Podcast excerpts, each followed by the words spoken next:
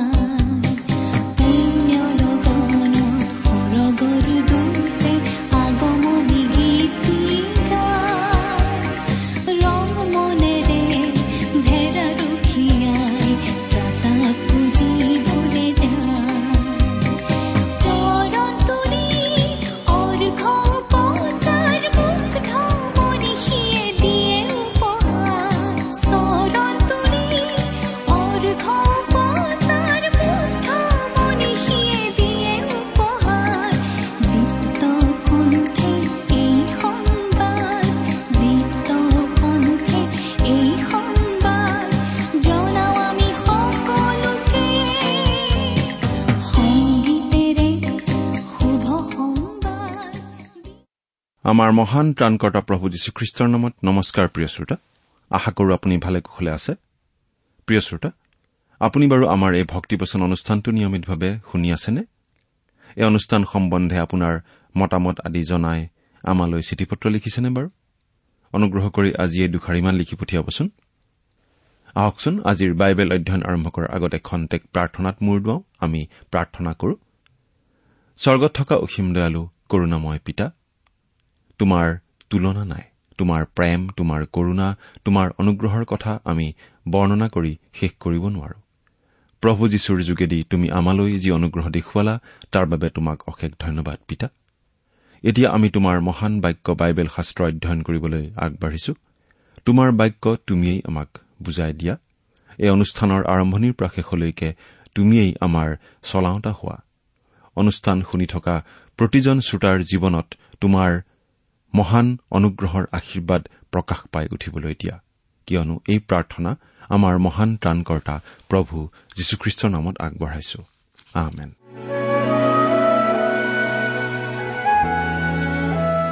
প্ৰিয় শ্ৰোতা আপুনি বাৰু আমাৰ আগৰ অনুষ্ঠানটো শুনিছিল নে আমি বাৰু কি আলোচনা কৰিছিলো? মনত আছেনে? আমি বাইবেলৰ নতুন নিয়ম খণ্ডৰ থিচলনিকীয়াবিলাকৰ প্ৰতি দ্বিতীয় পত্ৰ বা চমুকৈ দ্বিতীয় থিচলনিকীয়া নামৰ পুস্তকখনৰ অধ্যয়ন চলাই আছো। যোৱা অনুষ্ঠানত আমি এই দ্বিতীয় থিচলনিকীয়া পত্ৰৰ দুই নম্বৰ অধ্যায়ৰ পাঁচ নম্বৰ পদলৈকে পঢ়ি আমাৰ আলোচনা আগবঢ়াইছিলো। তাত আমি এটা অতি গুৰুত্বপূৰ্ণ কথা আলোচনা কৰিছিলো। প্ৰভুৰ দিনৰ আগমনৰ কথা। আমি পাইছিলো যে প্ৰভুৰ দিনৰ আগমন হোৱাৰ আগে আগে দুটা ঘটনা ঘটিবই লাগিব। প্ৰথম কথাটো হ'ল এই পৃথিৱীত সম্পূৰ্ণ বিশ্বাসহীনতা সম্পূৰ্ণ ধৰ্ম পৰিত্যাগ ঘটিব লাগিব। আৰু দ্বিতীয় কথাটো হ'ল বিনাশৰ পুত্ৰ পাপ পুৰুষ বা খ্ৰীষ্টাৰীৰ আৱিৰ্ভাৱ ঘটিব লাগিব। তাৰ পাছতহে প্ৰভুৰ দিনৰ আৰম্ভণি হ'ব। এই সকলো ঘটাৰ আগতে প্ৰকৃত খ্ৰীষ্টীয় বিশ্বাসীসকলক উত্তোলিত কৰি নিয়া হ'ব। তাৰ পাছতহে বিশ্বাসহীনতা ধৰ্ম পৰিত্যাগ ঘটিব। বিনাশৰ পুত্ৰ প্ৰকাশিত হ'ব। তাৰ পাছত আৰম্ভ হ'ব প্ৰভুৰ দিন। পাচনি পৌলে এই কথাবোৰ থিচলনিকীয়া লোকসকলক সোঁৱৰাই দিছিল কাৰণ প্ৰভুৰ দিন আৰম্ভ হৈ গ'ল বুলি কোনো কোনো লোকে তেওঁলোকৰ মাজত ভুৱা প্ৰচাৰ চলাই আছিল। গতিকে প্ৰভুৰ দিন যে আৰম্ভ হোৱা নাই সেই কথাটো বুজাবলৈ পাচনি পৌলে এইখিনি কথা লিখিব লগা হৈছিল। এতিয়া আমি ছয় নম্বৰ পদৰ পৰা অধ্যয়ন আৰম্ভ কৰিম। পাঠ কৰি দিছো। দ্বিতীয় থিচলনিকীয়া দ্বিতীয় অধ্যায় ছয় পদ। আৰু সি তাৰ নিৰূপিত কালত প্ৰকাশিত হবলৈ তাক কিহে নিবাৰণ কৰিছে তাক তোমালোকে এতিয়া জানা। প্ৰভুৰ দিনৰ আগমন হোৱাৰ আগে আগে সেই পাপ পুৰুষ প্ৰকাশিত হ'ব। সি নিজকে ঈশ্বৰ বুলি চিনাকি দিব কিন্তু সি আজিলৈকে প্ৰকাশিত হোৱা নাই। তাক প্ৰকাশিত হোৱাত কোনে বাধা দিছে? এই পৃথিৱীত পাপ পুৰুষৰ আত্মপ্ৰকাশ ঘটাত এতিয়ালৈকে বাধা দি আছে পবিত্ৰ আত্মাই। সাত নম্বৰ পদত চাওক। কিয়নো অধৰ্মৰ সেই নিগৃঢ় তত্বই এতিয়াও কাৰ্যসাধন কৰি আছে। কেৱল সেই বৰ্তমান নিবাৰণকৰ্তা নুগুচে মানুহে গুপুতে সাধন কৰে। এই পদটো সহজ ভাষাত এনেদৰে ক'ব পাৰো অবাধ্যতাৰ বা অধৰ্মৰ নিগৃঢ় তত্বই এতিয়াও কাৰ্য কৰিয়েই আছে কিন্তু গুপুতে কৰি আছে। কেৱল বাধা দিওঁতাজনাই এতিয়াও বাধা দি আছে। যেতিয়ালৈকে বাধা দিওঁতাজনক বাধা দি থাকিবলৈ দিয়া হয় তেতিয়ালৈকে বাধা দি থাকিব। পাপ পুৰুষে প্ৰকাশ্যে কাৰ্য নকৰি গুপুতে কৰি থাকিব। অধৰ্মৰ নিগৃঢ় তত্বই পাচনি পৌলৰ দিনতে কাম কৰিবলৈ আৰম্ভ কৰিছিল আৰু আজিও কৰি আছে। মঠিয়া লিখা শুভবাৰ্তাৰ তেৰ নম্বৰ অধ্যায়ত আমি প্ৰভু যীশুৱে দিয়া এটা দৃষ্টান্তৰ কথা পঢ়িবলৈ পাওঁ। এই পৃথিৱীৰ পথাৰত ঈশ্বৰৰ বাক্যৰ গুটি সিঁচি থকা হৈছে। কিন্তু এক শত্ৰুৱে আহি সেইবোৰৰ মাজে মাজে বিনৈ বনৰ গুটিও সিঁচি গৈছে। বিনৈ বন আৰু শস্য একেলগে লহপহকৈ বাঢ়ি আছে। এই পৃথিৱীখন দিনে দিনে বেয়াৰ পৰা বেয়ালৈ গৈ আছে। আনহাতে এই পৃথিৱীখন অধিক অধিক ভাল হৈ গৈ আছে কাৰণ আজি ঈশ্বৰৰ বাক্য ইমান সজোৰে আৰু ইমান ব্যাপকভাৱে বিলোৱা হৈ আছে যিটো আগতে কেতিয়াও হোৱা নাছিল। দুৱাৰ মুকলি হৈ গৈ আছে। ঈশ্বৰৰ বাক্য বিয়পি গৈ আছে। শস্য লহপহকৈ বাঢ়ি আছে। কিন্তু কিন্তু লগে লগে বিনয় বন বনৰীয়া বনো বাঢ়ি আছে। আইন কানুন নমনা অৱস্থাটো দিনে দিনে অধিক বেয়া হৈ গৈ থাকিব। কিন্তু পবিত্ৰ আত্মাই ছয়তানক তাৰ কুকাৰ্য কৰিবলৈ সম্পূৰ্ণৰূপে এৰি নিদিব এই অনুগ্ৰহৰ যুগত।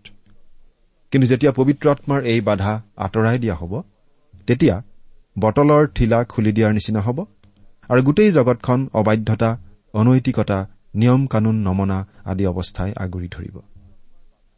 পবিত্ৰ আত্মাৰ বাধা কেতিয়া আঁতৰিব?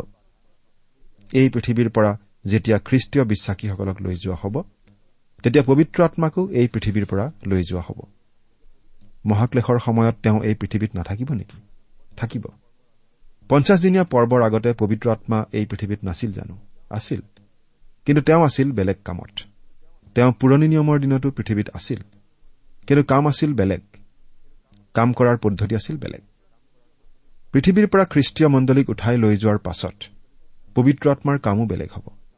এতিয়া পবিত্ৰ আত্মাৰ কাম হৈছে খ্ৰীষ্টীয় বিশ্বাসীসকলক মোহৰ মাৰি দিয়া সেই মুক্তিৰ দিনলৈকে যিদিনা তেওঁ আমাক খ্ৰীষ্টীয় বিশ্বাসীসকলক প্ৰভু যীশুৰ আগত উপস্থিত কৰিব। তেওঁ সেই কাম নকৰিলে আমি কেতিয়াও নিজকে প্ৰভু যীশুৰ আগত উপস্থিত কৰিব নোৱাৰিলোহেঁতেন।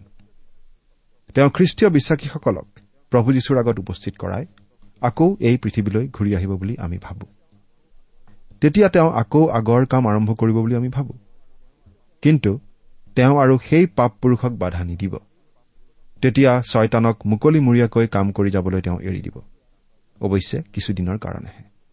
প্ৰিয় শ্ৰোতা সেই সময়ছোৱাত এই পৃথিৱীৰ অৱস্থা কি যে ভয়াৱহ হ'ব ভাবি চাওকচোন। সেই সময়ত এই পৃথিৱীত মই হলে থাকিব নিবিচাৰো। আপুনিও নিশ্চয় নিবিচাৰে। যদিহে আমি প্ৰভু যীশুত আশ্ৰয় লৈ থাকো তেনেহলে পৃথিৱীত সেই দিন অহাৰ আগতেই আমাক এই পৃথিৱীৰ পৰা উঠাই লৈ যোৱা হ'ব। এতিয়া আঠ নম্বৰ পদটো পঢ়িম। গুচিলে সেই অধৰ্মীজন প্ৰকাশিত হ'ব। কিন্তু তাক প্ৰভু যীশুৱে তেওঁৰ মুখৰ ফোঁৰ দ্বাৰাই সংহাৰ কৰিব আৰু তেওঁৰ আগমনৰ আৱিৰ্ভাৱৰ দ্বাৰাই লুপ্ত কৰিব। সেই অধৰ্মীজন মানে খ্ৰীষ্টাৰী পাপ পুৰুষ হ'ব এই পৃথিৱীৰ একনায়কত্ববাদী শাসক। যাক কোনো মানুহেই বাধা দিব নোৱাৰিব। কেৱল খ্ৰীষ্টৰ আগমনেহে সেই পাপ পুৰুষক বন্ধ কৰিব। মিছৰ দেশত ঈশ্বৰৰ লোক অৰ্থাৎ ইছৰাইলীয় লোকবিলাক হৈ আছিল অতি অসহায় আৰু আশাহীন। কিন্তু ঈশ্বৰে তেওঁলোকক উদ্ধাৰ কৰিছিল। ঠিক একেদৰে সেই মহাক্লেশৰ সময়ছোৱাত খ্ৰীষ্টত বিশ্বাস কৰা লোকসকল সেই খ্ৰীষ্টাৰীৰ অত্যাচাৰৰ আগত অসহায় হৈ থাকিব যেতিয়ালৈকে প্ৰভু যীশুৱে তেওঁৰ ন্যায় শাসন প্ৰতিষ্ঠা কৰিবলৈ এই পৃথিৱীলৈ নাহে। কিন্তু তাক প্ৰভু যীশুৱে তেওঁৰ মুখৰ ফুৰ দ্বাৰাই সংহাৰ কৰিব। অৰ্থাৎ তেওঁৰ মুখৰ পৰা ওলোৱা ঈশ্বৰৰ বাক্য যাক বাইবেলত দুধৰীয়া চোকা তৰোৱাল বুলি কোৱা হৈছে সেই বাক্যই সেই খ্ৰীষ্টাৰীক গ্ৰাস কৰিব। ঈশ্বৰৰ বাক্যই এই বিশ্ব ব্ৰহ্মাণ্ডখন সৃষ্টি কৰিলে। ঈশ্বৰে সকলো সৃষ্টি কৰিছিল মুখৰ বাক্যেৰে। ঈশ্বৰে মাত্ৰ কৈছিল পোহৰ হওক তাতে পোহৰ হ'ল। আদি পুস্তক প্ৰথম অধ্যায় তৃতীয় পদ। প্ৰভু যীশুখ্ৰীষ্টই হৈছে ঈশ্বৰৰ জীৱন্ত বাক্য। আৰু আজি আমাৰ হাতত আছে বাইবেল ঈশ্বৰৰ লিখিত বাক্য। এই লিখিত বাক্য হৈছে জীৱন্ত বাক্যৰ বিষয়ে আৰু এই বাক্য হৈছে জীৱিত আৰু সক্ষম। যেতিয়া প্ৰভু যীশু আকৌ আহিব তেওঁ আহিব ঈশ্বৰৰ জীৱন্ত বাক্যস্বৰূপে। তেওঁৰ আগমনৰ আৱিৰ্ভাৱৰ দ্বাৰাই লুপ্ত কৰিব। ইয়াৰ আৱিৰ্ভাৱ শব্দটোৰ মূল গ্ৰীক শব্দটো হৈছে এপিফেনেয়া। আৰু ইয়াত তেওঁ আগমন উজ্জ্বল পোহৰেৰে প্ৰকাশিত হৈ উঠাৰ ভাৱ এটা প্ৰকাশ পাইছে। ইংৰাজীত ইয়াক এপিফেনি বুলি কোৱা হৈছে। প্ৰভু যীশুৱে যেতিয়া বেটলেহেমত জন্ম লৈছিলহি সেয়া আছিল তেওঁৰ প্ৰথম আৱিৰ্ভাৱ বা আত্মপ্ৰকাশ। টিত দুই অধ্যায় এঘাৰ পদতো আচলতে এই শব্দটো ব্যৱহাৰ কৰা হৈছে। কিয়নো সকলো মানুহলৈ পৰিত্ৰাণ অনা ঈশ্বৰৰ অনুগ্ৰহ প্ৰকাশিত হ'ল। এই প্ৰকাশিত হোৱা কাৰ্যটো প্ৰভু যীশুৰ প্ৰথম আগমনৰ সৈতে জড়িত। কিন্তু প্ৰভু যীশু আকৌ আহিব। তেওঁ প্ৰথমে তেওঁৰ বিশ্বাসী লোকসকলক এই পৃথিৱীৰ পৰা উত্তোলিত কৰি নিব। তাৰ পাছত তেওঁ এই পৃথিৱীত পদাৰ্পণ কৰিবহি তেওঁৰ ন্যায় শাসন প্ৰতিষ্ঠা কৰিবলৈ। তেওঁৰ প্ৰথম আগমনটোৰ দুটা পৰ্যায় আছিল বুলি আমি ধৰিব পাৰো। প্ৰথমতে তেওঁ বেথলেহেমত এটি শিশু হিচাপে জন্ম ললে। তাৰ পাছত ত্ৰিশ বছৰ বয়সত তেওঁ প্ৰকাশ্যভাৱে কাম কৰিবলৈ আৰম্ভ কৰিলে। তেওঁৰ দ্বিতীয় আগমনতো দুটা পৰ্যায় থাকিব। প্ৰথমতে তেওঁ তেওঁৰ বিশ্বাসীসকলক আকাশলৈ উঠাই লৈ যাব। তাৰ পাছত তেওঁ পৃথিৱীলৈ নামি আহিব তেওঁৰ ন্যায় শাসন প্ৰতিষ্ঠা কৰিবলৈ। আৰু তেতিয়া তেওঁৰ সেই আগমনৰ প্ৰকাশে খ্ৰীষ্টাৰীক ধ্বংস কৰি পেলাব। এতিয়া ন নম্বৰ পদটো পাঠ কৰি দিছো। ছয়তানে কাৰ্যসাধন কৰাৰ দৰে বিনাশৰ পাত্ৰবিলাকৰ নিমিত্তে তাৰ আগমন মিছাৰ সকলো পৰাক্ৰম আচৰিত চিন আৰু অদ্ভুত লক্ষণযুক্ত আৰু অধাৰ্মিকতাৰ সকলো প্ৰবঞ্চনাযুক্ত। ইয়াতে খ্ৰীষ্টাৰী পাপ পুৰুষৰ এখন ছবি আমাৰ আগত দাঙি ধৰা হৈছে। সেই খ্ৰীষ্টাৰী হ'ব ছয়তানৰ মানুহ। ছয়তানে বিচৰা ধৰণেই সি কাম কৰিব। সেই খ্ৰীষ্টাৰীৰ আগমন হ'ব বিনাশৰ পাত্ৰবিলাকৰ নিমিত্তে। অৰ্থাৎ সেই পাপ পুৰুষে নিজৰ লগতে বিনাশৰ পাত্ৰ অবিশ্বাসীসকলকো ধ্বংসৰ পথত লৈ যাব। খ্ৰীষ্টাৰীৰ বিষয়ে ইয়াত কি কি কোৱা হৈছে আমি অলপ চাওঁ। মিছাৰ সকলো পৰাক্ৰম। সেই খ্ৰীষ্টাৰীৰ যোগেদি অসত্যই নিজৰ পৰাক্ৰম প্ৰকাশ কৰিব। তদুপৰি সেই খ্ৰীষ্টাৰীৰ পৰাক্ৰমৰ আধাৰ হ'ব অসত্য। সেই সময়ত মানুহবিলাক মিছাৰ দ্বাৰা ইমান প্ৰভাৱিত হ'ব যে সেই খ্ৰীষ্টাৰীৰ সকলো কথাকে সঁচা বুলি বিশ্বাস কৰিব। অতিপাত ক্ষমতাশালী লোক বুলি বিশ্বাস কৰিব। আচৰিত চিন। আমি এই ক্ষেত্ৰত সদায় সাৱধান হোৱা উচিত। আমি কিবা আচৰিত কথা দেখিলে বিশ্বাস কৰি ল'ব নালাগে কাৰণ ছয়তানেও বহুত আচৰিত আচৰিত চিন দেখুৱায় অলৌকিক কাৰ্য সম্পাদন কৰি দেখুৱায়। সেইটো অসম্ভৱ কথা নহয়। কিন্তু কোনোবাই কিবা অদ্ভুত কাম কৰি দেখুৱালেই তেওঁ ঈশ্বৰৰ লোক বুলি আমি ধৰি ল'ব নালাগে। তাৰ কাৰণ আমি ইয়াতে দেখিছো। সেই খ্ৰীষ্টাৰী অৰ্থাৎ পাপ পুৰুষে নানা ধৰণৰ আচৰিত চিন দেখুৱাব। সেই চিন দেখি বহুতো লোকে তাকেই ঈশ্বৰৰ কথা বুলি বিশ্বাস কৰিব। প্ৰিয় শ্ৰোতা আমাৰ মাজত আচৰিত আচৰিত কাম কৰি দেখুওৱা মানুহ ওলায়ে থাকে। কিন্তু আমি মানুহৰ পিছে পিছে নগৈ প্ৰভু যীশুৰ পিছে পিছে যোৱা উচিত। প্ৰভু যীশুতেই খোপনি ধৰি থকা উচিত। নহলে আমি মানুহৰ দ্বাৰা বিপথে পৰিচালিত হোৱাৰ ভয় থাকে। অধাৰ্মিকতাৰ সকলো প্ৰবঞ্চনাযুক্ত। সেই খ্ৰীষ্টাৰীত কোনো ধাৰ্মিকতা নাথাকিব। থাকিব কেৱল অধাৰ্মিকতা। আৰু তাৰ উদ্দেশ্য সদায় এটাই মানুহক প্ৰবঞ্চনা কৰা। অৰ্থাৎ মানুহক সত্যটো জানিবলৈ নিদি অসত্যকে সত্য বুলি বেয়াকে ভাল বুলি মানুহক ভুলোৱা। আৰু সেই খ্ৰীষ্টাৰীয়ে এই সকলো কৰিব। সেই বিনাশৰ পাত্ৰ অৰ্থাৎ অবিশ্বাসীসকলক ধ্বংসৰ পথত নিবলৈ। দহ পদ। কিয়নো তেওঁবিলাকে পৰিত্ৰাণ পাবৰ কাৰণে সত্যতালৈ যি প্ৰেম তাক গ্ৰাহ্য নকৰিলে। সেই বিনাশৰ পাত্ৰ মানে সেইসকল মানুহ যিসকলে খ্ৰীষ্টৰ শুভবাৰ্তা গ্ৰাহ্য নকৰে। প্ৰকৃত সত্য যি সত্যই পৰিত্ৰাণ দিয়ে সেই সত্যতাৰ প্ৰতি যি প্ৰেম তাক গ্ৰাহ্য নকৰিলে। প্ৰভু যীশুৱেই সত্য। তেওঁ কৈছিল মই এই বাট সত্য আৰু জীৱন। বিনাশৰ পাত্ৰসকলে প্ৰভু যীশুকেই অগ্ৰাহ্য কৰে। এতিয়া এঘাৰ আৰু বাৰ নম্বৰ পদ পঢ়িম। আৰু সেইকাৰণেই যিবোৰে সত্যতাত বিশ্বাস নকৰি অধৰ্মতে সন্তুষ্ট হ'ল তেওঁবিলাকৰ সুধবিচাৰ হবলৈ তেওঁবিলাকে যেন মিছাত বিশ্বাস কৰে। তাৰ কাৰণে ঈশ্বৰে তেওঁবিলাকলৈ ভ্ৰান্তিৰ কাৰ্যসাধন পঠাই দিয়ে। ঈশ্বৰে এই জগতক মিছাকে বিশ্বাস কৰিবলৈ এৰি দিলে। তেওঁ সেই কাম কিয় কৰিলে? এই কথাটো বাৰু অলপ অন্যায় যেন নালাগেনে? নাই। এই কথাটো ঠিক ঈশ্বৰে ফৰৌন ৰজাৰ হৃদয় কঠিন কৰাৰ নিচিনাহে কথা। ফৰৌন ৰজাই ইছৰাইলৰ লোকবিলাকৰ প্ৰতি সহানুভূতি দেখুৱাই অহা নাছিল। ইছৰাইলৰ দুখত আগতে কেতিয়াও দুখ প্ৰকাশ কৰা নাছিল। তেওঁ ইছৰাইলৰ লোকবিলাকক যাবলৈ দিবলৈ খুব ইচ্ছা কৰি আছিল জানো? যে ঈশ্বৰে বাধা দিয়াৰ কাৰণেহে তেওঁ আচলতে তেওঁলোকক যাবলৈ দিয়া নাছিল? নিশ্চয় নহয়। ফৰুণ ৰজাই ইছৰাইলৰ লোকবিলাকক কেতিয়াও এৰি দিব খোজা নাছিল। তেনেকৈ থকা অৱস্থাতে আচলতে ঈশ্বৰে তেওঁৰ মনত প্ৰভাৱ পেলাই তেওঁক এটা সিদ্ধান্ত লোৱাত সহায় কৰিছিল। ঈশ্বৰে তেওঁক এনেকুৱা এটা পৰিস্থিতিত পেলালে য'ত তেওঁৰ মনত আচলতে কি আছিল সেই কথাটো প্ৰকাশ পাই উঠিল।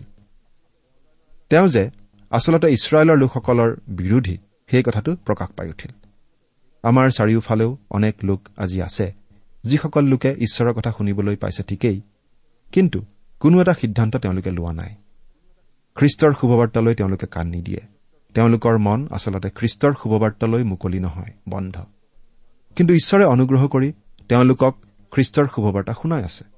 খ্ৰীষ্টক গ্ৰহণ কৰি বিশ্বাস কৰাৰ সুবিধা দি আছে। কিন্তু তেওঁলোকে গ্ৰহণ কৰিব নিবিচাৰে বিশ্বাস কৰিব নোখোজে। ঈশ্বৰৰ বাক্য শুনি গ্ৰহণ কৰিবলৈ অস্বীকাৰ কৰাৰ পাছত ঈশ্বৰে তেওঁলোকলৈ ভ্ৰান্তিৰ কাৰ্যসাধন পঠাই দিব। কিয়? কাৰণ তেওঁলোকে সত্য গ্ৰহণ নকৰে। তেতিয়া তেওঁলোকে মিছা কথা গ্ৰহণ কৰিবলৈহে আগ্ৰহী বুলি প্ৰমাণ দিয়ে। ঈশ্বৰে মেৰ পোৱালিৰ পৰা ছাগলীবোৰ পৃথক কৰি আছে। এই কাম কৰিবলৈ তেওঁ সৰ্বোত্তম উপায়েই লয়।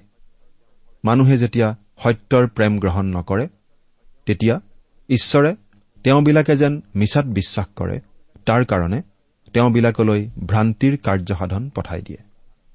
এই মিছানো কি? খ্ৰীষ্টাৰীয়ে মানুহক কয় যে যীশুখ্ৰীষ্ট প্ৰভু নহয়। তেওঁ নিজৰ বিষয়ে কৰা দাবী সত্য নহয়। খ্ৰীষ্টাৰীয়া মানুহক কয় যে তেওঁলোকে যীশুক বিশ্বাস কৰি কেৱল ধৰ্মকৰ্ম কৰি সময় নকটাই বুদ্ধিমানৰ কাম কৰিছে। আধুনিকতাৰ পৰিচয় দিছে। প্ৰভু যীশুৱে এই পৃথিৱীৰ পৰা খ্ৰীষ্টীয় বিশ্বাসী লোকসকলক উঠাই লৈ যোৱাৰ পাছত খ্ৰীষ্টাৰীয়ে কিবা ধৰণে কথাটোৰ এটা ব্যাখ্যা দি পৃথিৱীত বাকী ৰৈ যোৱা মানুহবোৰক পতিয়ন নিয়াব মানুহবোৰে সেই খ্ৰীষ্টাৰীকে বিশ্বাস কৰিব আৰু খ্ৰীষ্টাৰীয়েই পৃথিৱীত শান্তিৰাজ প্ৰতিষ্ঠা কৰিব বুলি বিশ্বাস কৰিব। কিন্তু তেওঁলোক যে আচলতে মহাক্লেশৰ দিনতহে প্ৰৱেশ কৰিব ধৰিছে সেই কথাটো বুজি নাপাব। খ্ৰীষ্টাৰীৰ সেই ফাঁকি তেওঁলোকে বিশ্বাস কৰিব। কাৰণ তেওঁলোকে প্ৰকৃত সত্যক ইতিমধ্যে অগ্ৰাহ্য কৰিছে। সত্যক অগ্ৰাহ্য কৰা লোকসকলক ঈশ্বৰে দণ্ড বিহিব। যদিহে আমি ঈশ্বৰৰ বাক্য শুনিবৰ সুবিধা পোৱাৰ পাছতো বিশ্বাস নকৰো তেনেহলে আমি অসত্যকে সত্য বুলি মানি লৈ ধ্বংসৰ পথত যোৱাৰ সম্ভাৱনাই বেছি। তেতিয়া আৰু আমি ঈশ্বৰৰ আগত ক'ব নোৱাৰিম। মইতো খ্ৰীষ্টৰ শুভবাৰ্তা শুনিবলৈ সুবিধা পোৱা নাছিলো। এই বুলি। প্ৰিয় শ্ৰোতা প্ৰভু যীশুক ত্ৰাণকৰ্তা বুলি বিশ্বাস কৰি গ্ৰহণ কৰাৰ সুবিধা এতিয়াও আছে। আমি অৱহেলা নকৰি অনতি পলমে তেওঁক গ্ৰহণ কৰাই বুদ্ধিমানৰ কাম। এতিয়া আমি খ্ৰীষ্টৰ হ'বলগীয়া পুনৰ আগমনৰ ব্যৱহাৰিক দিশটো চাব খুজিছো। প্ৰভু যীশু যে আকৌ আহিব সেই কথাটো মনত ৰাখি খ্ৰীষ্টীয় বিশ্বাসীসকলে এনেদৰে জীৱন কটোৱা উচিত যে তেওঁ যে খ্ৰীষ্ট আকৌ আহিব বুলি বিশ্বাস কৰে সেই কথাটো তেওঁৰ জীৱনৰ সকলো কাম কাজত প্ৰকাশ পাই উঠিব লাগে। তেৰ আৰু চৈধ্য নম্বৰ পদ দুটা পঢ়ি দিছো। কিন্তু হে প্ৰভুৰ প্ৰেম পাত্ৰ ভাইবিলাক তোমালোকৰ কাৰণে ঈশ্বৰক সদায় ধন্যবাদ দিয়া আমাৰ কৰ্তব্য। কিয়নো আত্মাই কৰা পবিত্ৰতাত আৰু সত্যতাৰ বিশ্বাসত ঈশ্বৰে আদিৰে পৰা তোমালোকক পৰিত্ৰাণৰ নিমিত্তে মনোনীত কৰিলে। আৰু সেই অভিপ্ৰায়েই আমাৰ প্ৰভু যীশুখ্ৰীষ্টৰ গৌৰৱ লাভ কৰিবৰ কাৰণে আমাৰ শুভবাৰ্তাৰ দ্বাৰাই তোমালোকক আমন্ত্ৰণ কৰিলে। ইয়াতে পৰিত্ৰাণৰ সম্পূৰ্ণ ছবি এখন আমি পাওঁ। অতীত বৰ্তমান আৰু ভৱিষ্যতৰ ছবি। ঈশ্বৰে আদিৰে পৰা তোমালোকক পৰিত্ৰাণৰ নিমিত্তে মনোনীত কৰিলে। আমি ইতিমধ্যেই ইফিচিয়া পুস্তক অধ্যয়ন কৰাৰ সময়ত আলোচনা কৰি আহিছো যে ঈশ্বৰে জগত স্থাপনৰ পূৰ্বেই প্ৰতিজন খ্ৰীষ্টীয় বিশ্বাসীক মনোনীত কৰি ৰাখিছে। অৰ্থাৎ আমাৰ পৰিত্ৰাণৰ কাম আৰম্ভ হৈছে সুদূৰ অতীততেই। আমি যদি প্ৰভু যীশুক বিশ্বাস স্থাপন কৰি আমাৰ ত্ৰাণকৰ্তা বুলি গ্ৰহণ কৰিছো সেই কথাত ঈশ্বৰ আচৰিত নহয়। কাৰণ সেই কথা তেওঁ সৃষ্টিৰ পাতনিৰ পূৰ্বৰ পৰাই জানে। ঈশ্বৰে পৰিত্ৰাণৰ সুবিধা সকলো লোকলৈকে আগবঢ়াইছে। সকলো লোকলৈকে পৰিত্ৰাণৰ নিমন্ত্ৰণ আগবঢ়োৱা হৈছে। যি লোকেই আম্মিকভাৱে পিয়াহ অনুভৱ কৰে সেই লোকেই প্ৰভু যীশুৰ ওচৰলৈ আহি তৃপ্ত হ'ব পাৰে। আত্মাই কৰা পবিত্ৰতাত। প্ৰভু যীশুক গ্ৰহণ কৰি পৰিত্ৰাণ লাভ কৰাৰ লগে লগেই পবিত্ৰীকৰণৰ এই প্ৰক্ৰিয়াটো আৰম্ভ হয়। এই পবিত্ৰীকৰণৰ কামটো কৰে পবিত্ৰ আত্মা ঈশ্বৰে। প্ৰভু যীশুত বিশ্বাস স্থাপন কৰাৰ লগে লগে ঈশ্বৰে আমাক সম্পূৰ্ণ ধাৰ্মিক বুলি গণিত কৰে। ঈশ্বৰৰ দৃষ্টিত আমাক সম্পূৰ্ণ ধাৰ্মিক বুলি গ্ৰহণ কৰা হয়। কিয়নো আমাৰ সকলো পাপৰ ক্ষমা হয়। আৰু প্ৰভু যীশুৰ ধাৰ্মিকতা আমাৰো ধাৰ্মিকতা বুলি গণ্য কৰা হয়। কিন্তু আমাক ধাৰ্মিক বুলি গণ্যহে কৰা হয়। আমি কিন্তু সম্পূৰ্ণ শুদ্ধ সিদ্ধ ব্যক্তি হৈ নপৰো। কাৰণ আমাৰ লগত আমাৰ পুৰণি প্ৰকৃতিটোও থাকে। আমাৰ মাংসিক স্বভাৱটোও থাকে। সেইবাবে আমাক দিনে দিনে পবিত্ৰতাৰ পথত আগবঢ়াই লৈ যাবলগীয়া হয় আৰু আমাক দিনে দিনে পবিত্ৰতাৰ পথত আগবঢ়াই লৈ যায় পবিত্ৰ আত্মাই। আৰু লগতে আমাৰ জীৱনত থকা মাংসিক স্বভাৱবোৰ দিনে দিনে নোহোৱা কৰিব লগা হয় আৰু সেই কামো পবিত্ৰ আত্মাৰ শক্তিৰে আমি কৰিব লগা হয়। পবিত্ৰ আত্মাই আমাক পবিত্ৰ হোৱাত সহায় কৰে। সত্যতাৰ বিশ্বাসত অৰ্থাৎ খ্ৰীষ্টীয় বিশ্বাসী লোকজনে ঈশ্বৰৰ বাক্য অধ্যয়নত মন দিয়ে। তেনেদৰেই খ্ৰীষ্টীয় বিশ্বাসী লোকজনে আম্মিক জীৱনত বৃদ্ধি পাব লাগিব। আমাৰ প্ৰভু যীশুখ্ৰীষ্টৰ গৌৰৱ লাভ কৰিবৰ কাৰণে। এয়া হ'ব ভৱিষ্যতৰ আশা। এয়া হ'ব ভৱিষ্যতৰ কথা। প্ৰভু যীশু আকৌ আহিব। আৰু প্ৰতিজন খ্ৰীষ্টীয় বিশ্বাসী আকাশলৈ উত্তোলিত হৈ তেওঁক লগ পাব। বাইবেলত লিখিছে হে প্ৰিয়বিলাক এতিয়া আমি ঈশ্বৰৰ সন্তান আছো কিন্তু পাছত কি হ'ম সেয়ে এতিয়ালৈকে প্ৰকাশিত হোৱা নাই। তেওঁ প্ৰকাশিত হলে আমি তেওঁৰ নিচিনা হ'ম ইয়াকে জানো। কিয়নো তেওঁ যেনেকুৱা আছে তেওঁক তেনেকুৱাই দেখিম। প্ৰথম জোহন তিনি নম্বৰ অধ্যায়ৰ দুই নম্বৰ পদ। ভৱিষ্যতৰ সেই গৌৰৱময় আশালৈ প্ৰতিজন খ্ৰীষ্টীয় বিশ্বাসীয়ে আশাৰে বাট চাব পাৰে। আমি আজি ঈশ্বৰৰ সন্তান হওঁ প্ৰভু যীশুক আমাৰ ত্ৰাণকৰ্তা হিচাপে গ্ৰহণ কৰাৰ দ্বাৰা। আৰু এই ৰূপত আমি এতিয়া আছো। কিন্তু সেইদিনা আমি কেনেকুৱা হ'ম বুজাই ক'ব নোৱাৰো। আমি ভালদৰে নাজানো। কিন্তু আমি এটা কথা জানো যে প্ৰভু যীশুৱে যেতিয়া আমাক এই পৃথিৱীৰ পৰা উত্তোলিত কৰি নিবলৈ আহিব যেতিয়া তেওঁক আমি মুখামুখিকৈ লগ পাম তেতিয়া আমি চকুৰ পলকতে তেওঁৰ নিচিনা হ'ম। এতিয়া আমি পোন্ধৰ নম্বৰ পদটো পাঠ কৰি দিছো। এই হেতুকে হে ভাইবিলাক থিৰে থাকা। আৰু আমাৰ কথাৰ বা পত্ৰৰ দ্বাৰাই তোমালোকে যি যি শিক্ষা পালা সেই সকলোকে ধৰি ৰাখা। পাচনি পৌলে তেওঁলোকক এই বুলি উদগনি দিছে যে তেওঁ তেওঁলোকক যি যি কথা শিকাই আহিছে সেই সকলো কথা তেওঁলোকে যাতে মনত ৰাখে আৰু সেই সকলোবিলাক কথা তেওঁলোকে যাতে দৃঢ়ভাৱে মানি চলে। এতিয়া ষোল্ল আৰু সোতৰ নম্বৰ পদ দুটা পাঠ কৰি দিব খুজিছো। এতিয়া আমাৰ প্ৰভু যীশুখ্ৰীষ্টে নিজে আৰু যিজনাই আমাক প্ৰেম কৰি আমাক অনন্ত সান্তনা আৰু উত্তম আশা অনুগ্ৰহেৰে দিলে আমাৰ সেই পিতৃ ঈশ্বৰেও তোমালোকৰ হৃদয়ক সান্তনা দিয়ক আৰু সকলো সৎকৰ্ম আৰু সৎ বাক্যত সুস্থিৰ কৰক। প্ৰভু যীশুৱে আমাক অনন্ত সান্তনা আৰু উত্তম আশা দিয়ে। এই কাম তেওঁ কৰে তেওঁৰ বাক্যৰ যোগেদি। তেওঁই আমাক সৎকৰ্ম আৰু সৎ বাক্যত সুস্থিৰ কৰে। তেওঁ আমাক সুস্থিৰ কৰে। অৰ্থাৎ আমি ঈশ্বৰৰ বাক্যত এনেদৰে শিপা ধৰি থকা উচিত যাতে আমি নানাবিধ ভুৱা তত্ব কথাৰ ঢৌ ধুমুহাত ধলং পলং কৰি অবাতে নাযাওঁ। প্ৰিয় শ্ৰোতা আপুনি বাৰু প্ৰভু যীশুক আপোনাৰ ত্ৰাণকৰ্তা বুলি গ্ৰহণ কৰিছেনে? যদিহে কৰিছে পবিত্ৰ আত্মা ঈশ্বৰক আপোনাৰ জীৱন নিয়ন্ত্ৰণ কৰি চলাই নিবলৈ আপুনি দিছেনে? ঈশ্বৰৰ মহান বাক্য বাইবেল শাস্ত্ৰ নিয়মিতভাৱে অধ্যয়ন কৰি তেওঁৰ বাক্যতেই খোপনি ল'বলৈ আপুনি বাৰু শিকিছেনে? ঈশ্বৰ আপোনাৰ সহায় হওক।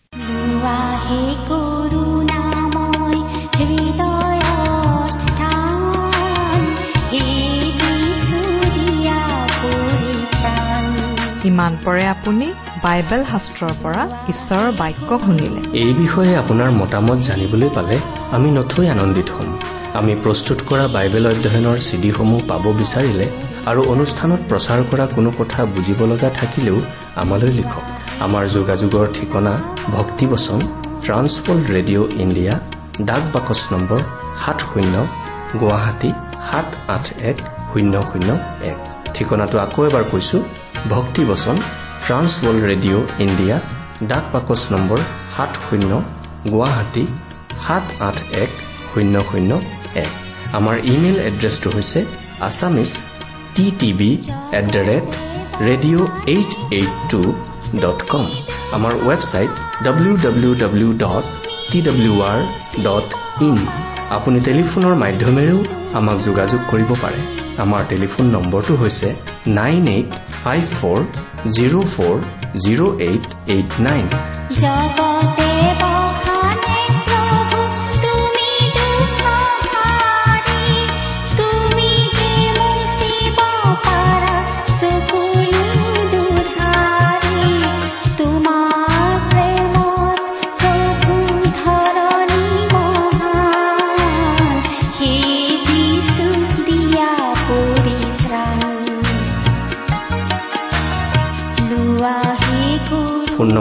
আকৌ এবাৰ কৈছো ন আঠ পাঁচ চাৰি শূন্য চাৰি শূন্য আঠ আঠ ন। আপুনি এই ভক্তিবচন অনুষ্ঠানটি আমাৰ website W W W dot radio' eight eight two dot কমতো শুনিব পাৰিব। আজিৰ অনুষ্ঠানটি ইমানতেই সামৰিছো। ঈশ্বৰৰ শান্তি আৰু অনুগ্ৰহ আপোনাৰ লগত থাকক। ধন্যবাদ। পাপৰ কালি লগা যিখনি ধৰণি পাপৰ